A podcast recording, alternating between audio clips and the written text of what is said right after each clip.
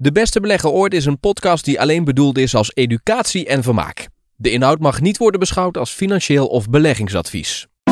Dit is eh, De Beste Belegger Ooit, podcast over beleggen met uh, André Brouwers van het Beleggingsinstituut. Hallo André. Hoi. En ik ben uh, Tom Jesse. In de vorige aflevering um, zijn we begonnen ja, om wat meer uit te leggen over de basisregels van beleggen. We hebben het daar gehad over wat beleggen is. Als je die aflevering niet hebt gehoord, zoek hem eventjes op, want luister die dan als eerste. In deze aflevering gaan we er eigenlijk op door en praten we over wat een aandeel is. He, dat, dat horen we iedere dag mm-hmm. als we een beetje de, de, de berichtgeving over volgen. Vertel, een aandeel. Wat, wat, wat valt daaronder? Ja, overigens moet ik zeggen, we hebben in die vorige uitzending iets wat meer gesproken waarom je eigenlijk zou moeten beleggen. Niet per se wat beleggen is, maar goed, als ik heel even kort zeg, hè, als je gaat beleggen, dan ga je een investering doen. Hè. Je hmm. gaat je geld in ieder geval niet op een spaarrekening neerzetten, maar je gaat het misschien wel beleggen in een aandeel, in een obligatie, in een huis, uh, in goud, uh, in, een, in een cryptomunt. Je kunt allerlei, uh, in oude auto's, in wijn, dat kan ook een belegging zijn. Hè? Maar goed, laten we het nu even hebben over aandelen, want dat is een heel toegankelijk iets. En wat je bij een aandeel eigenlijk doet, je gaat eigenlijk mee profiteren van de ontwikkelingen van een bedrijf. Nou, laten we nou eens iets nemen wat we dagelijks doen. We doen dagelijks boodschappen. Nou, laten we zeggen Albert Heijn.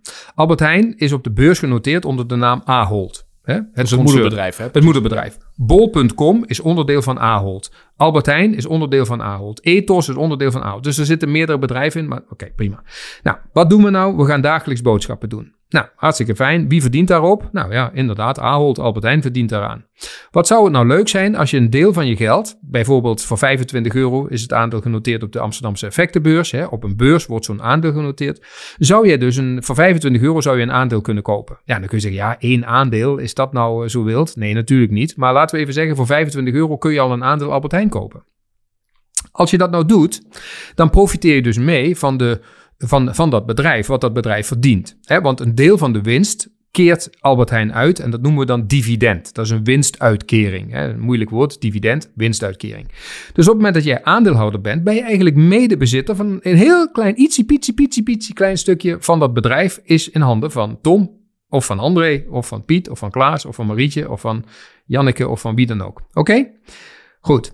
Nou, waarom is dat nou interessant? Nou ja, gaat het goed met Albert Heijn en maken ze winst, dan is dat hartstikke leuk. Want dan wordt dat bedrijf eigenlijk meer waard. Want een deel van die winst keren ze uit, een ander deel herbeleggen ze. Kopen ze misschien nieuwe winkels, gaan ze naar een ander land, dan gaat dat bedrijf groeien, wordt er nog meer winst en wordt hopelijk iedereen blij. In ieder geval, de aandeelhouders worden daar blij van. Is, hoezo is het zo dat als het goed gaat met het bedrijf en ze keren de winst uit, dan zijn ze het geld toch kwijt? Ja, maar dan heb jij het toch gekregen als aandeelhouder. Dus een deel van die winst gaat naar de aandeelhouder, want jij bent mede-eigenaar. Wie, aan wie moeten ze het anders geven? nee, maar dan, dan, dan, dan, zijn, dan kunnen ze daar niet mee beleggen. Nee, uh, zeker. Nee, zeker. Maar, maar, een deel wordt ook herbelegd in het bedrijf. Dus je hebt vaak een, dat noem je dan een mooi woord, een payout ratio. Dus dan betalen ze bijvoorbeeld 60% van de winst, keren ze uit aan de aandeelhouders. En de andere 40% investeren ze in het bedrijf. Ja, maar waarom zou je niet alles uh, uh, investeren in nieuwe dat dingen? Zijn, nou, sterker nog, er zijn bedrijven die geen dividend uitkeren. Bijvoorbeeld Amazon, hè, een bedrijf wat jarenlang alleen maar gericht is op groei. Die hebben helemaal geen dividend uitgekeerd. Die her, Apple ook. Die hebben jarenlang alleen maar geherinvesteerd om nog groter te groeien, nog meer marktpositie, nog dominanter te worden. Om ja, hopelijk dan zo'n positie te krijgen dat ze niet meer te verslaan zijn. Ja. Dat is sommigen ook aardig En dan worden die aandelen van al die maar mensen dan, worden, precies, worden maar dan, waard. Exact, want dan zie je dus die groei en dat noem je dan groeiaandelen. En die bedrijven, ja, die gaan dan zodanig groeien dat je zegt, ja, die koersen die gaan dan stijgen. Want iedereen ziet dat bedrijf groeien en zegt, ja, krijgt dan wel geen dividend, maar het bedrijf wordt wel groter en die gaan straks heel veel verdienen. En ik word toch steeds, hè, ik, ik groei een beetje mee, want dat is in feite wat je doet. Ja, dus we hebben nu ook een belangrijk verschil intussen benoemd. Groeiaandelen ja. en uh, Albert Heijn, dat is niet een groeiaandeel. Hè? Dat... Ja, Albert Heijn groeit ook nog, maar niet zo spectaculair. Nee, okay. hè? Niet zo spectaculair in de zin van dat het tientallen procenten per jaar groeit. Overigens, bol.com is een onderdeel wat wel spectaculair ja. groeit hè, binnen dat concern. Wat heel veel Amazon zien. eigenlijk. Ja, daarom was het een van de tips aan het begin van dit jaar, heb ik gezegd, uh, in, in, in, in, het Nederlands beleggersdebat, waar ik aan meedeed, heb ik gezegd, mijn tip is Ahold. Het ja, en winnaar ook uh, van best geworden. Ja, dat zeg ik dan maar eventjes. Okay, want. Maar even, wat is de groeiaandelen? Hoe heet het dan niet groeiaandelen? Hoe... Uh, defensieve waardes, waardeaandelen, value, hè, dus wat het echt waarde heeft. Hè, maar waarom zou, waarom zou je dat willen? Nou ja, omdat het vaak stabiele bedrijven zijn. Kijk, Albert Heijn, kijk, laat ik zeggen, oké, okay, corona, maar wat is nou de impact geweest voor Albert Heijn? Ja, eigenlijk heel beperkt. Sterker nog, ze hadden er zelfs een beetje voordeel van. We gingen niet meer naar een restaurant, we gingen meer boodschappen kopen. Ja. Hè? Dus uh, dat, dan, dan heb je een redelijke, de, de fluctuaties van dat aandeel, hè, de ontwikkelingen van zo'n bedrijf zullen wat minder extreem zijn. Dus wat, wat stabieler zijn, wat meer waarde vertegenwoordigen. En terwijl andere bedrijven groeiaandelen, ja, dat kan fantastisch goed gaan, maar maak je de verkeerde keuze, ja, dan kan het ook in één keer fantastisch fout gaan. Dus die fluctuaties daar zijn wat wilder, zijn wat Mhm. groter, hè? zijn wat gevoeliger, wat kwetsbaarder. Ja.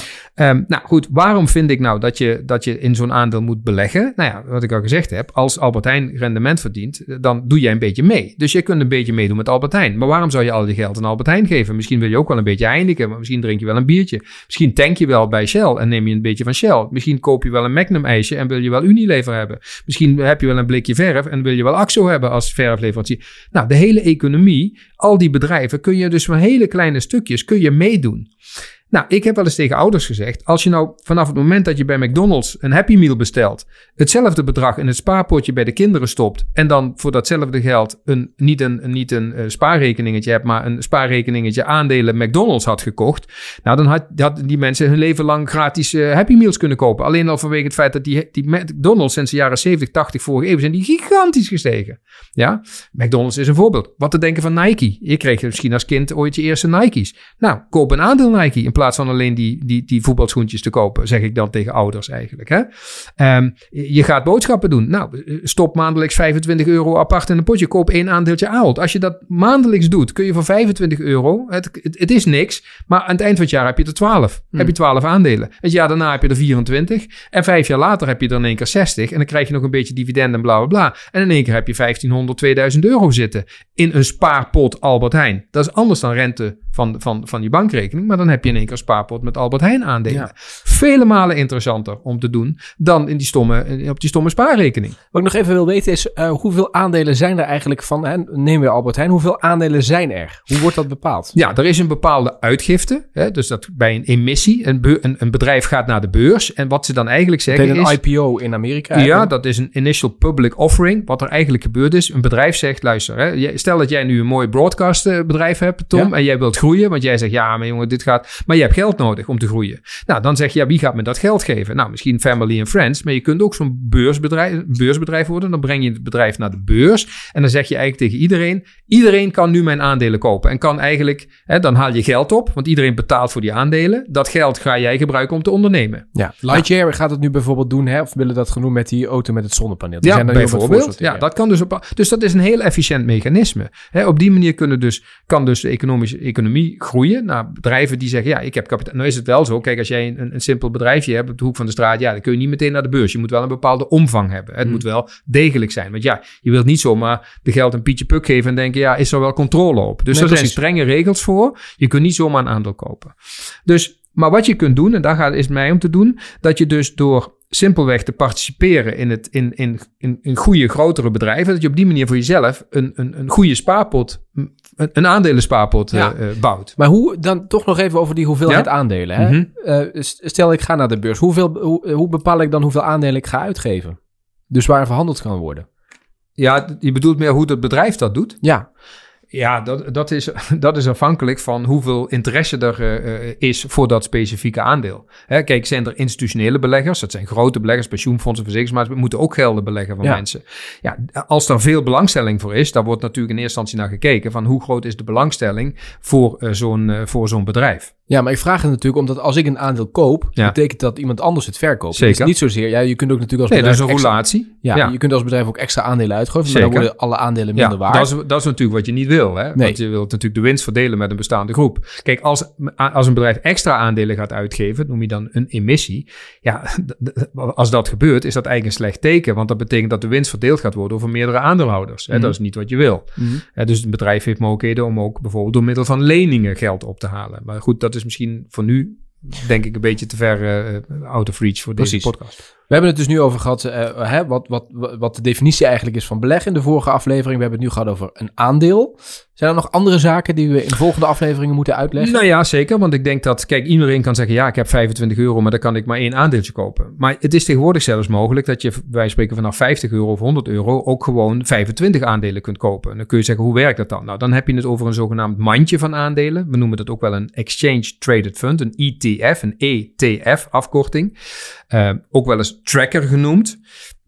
En wat je dan doet is dat je eigenlijk eh, iemand anders koopt van jou bijvoorbeeld 25 aandelen. In een mandje. Dus ik koop de Ahold, de Heineken, de Albert Heijn, de Philips, noem het allemaal op. Die koopt ze allemaal en zegt dan, ik doe, dat maak ik eigenlijk weer één mandje van en dan geef ik één aandeel van dat mandje, krijg je dan. En dan heb je voor 50 euro eigenlijk 25 aandelen. Dus dan heb je weer een mini, mini, mini stukje van uh, een mandje met aandelen. En dat is een fantastisch concept, want dat betekent dat jij voor 50 euro, 100 euro in de maand gewoon netjes een, een spreiding van verschillende mini, mini stukjes van aandelen kunt kopen. Okay. En op die manier ja, heb je ook kans dat als Ahold het goed doet uh, of een keer wat minder doet, doet Heineken het misschien fantastisch. Hè? Dus je probeert op die manier ook te spreiden. Oké. Meer hierover in de volgende afleveringen van De Beste Belegger Ooit. Heb je in de tussentijd vragen? Laat het dan achter via het e-mailadres uh. En je kunt ook altijd een recensie achterlaten. Vinden wij leuk om te horen wat je van deze podcast vindt. Je kunt sterren uitdelen bij Apple Podcast en een berichtje achterlaten. En druk vooral ook eventjes op volgen, want dan krijg je de nieuwste afleveringen automatisch in je feed van je podcast app. André, dankjewel. Ja, graag gedaan. En tot de volgende keer.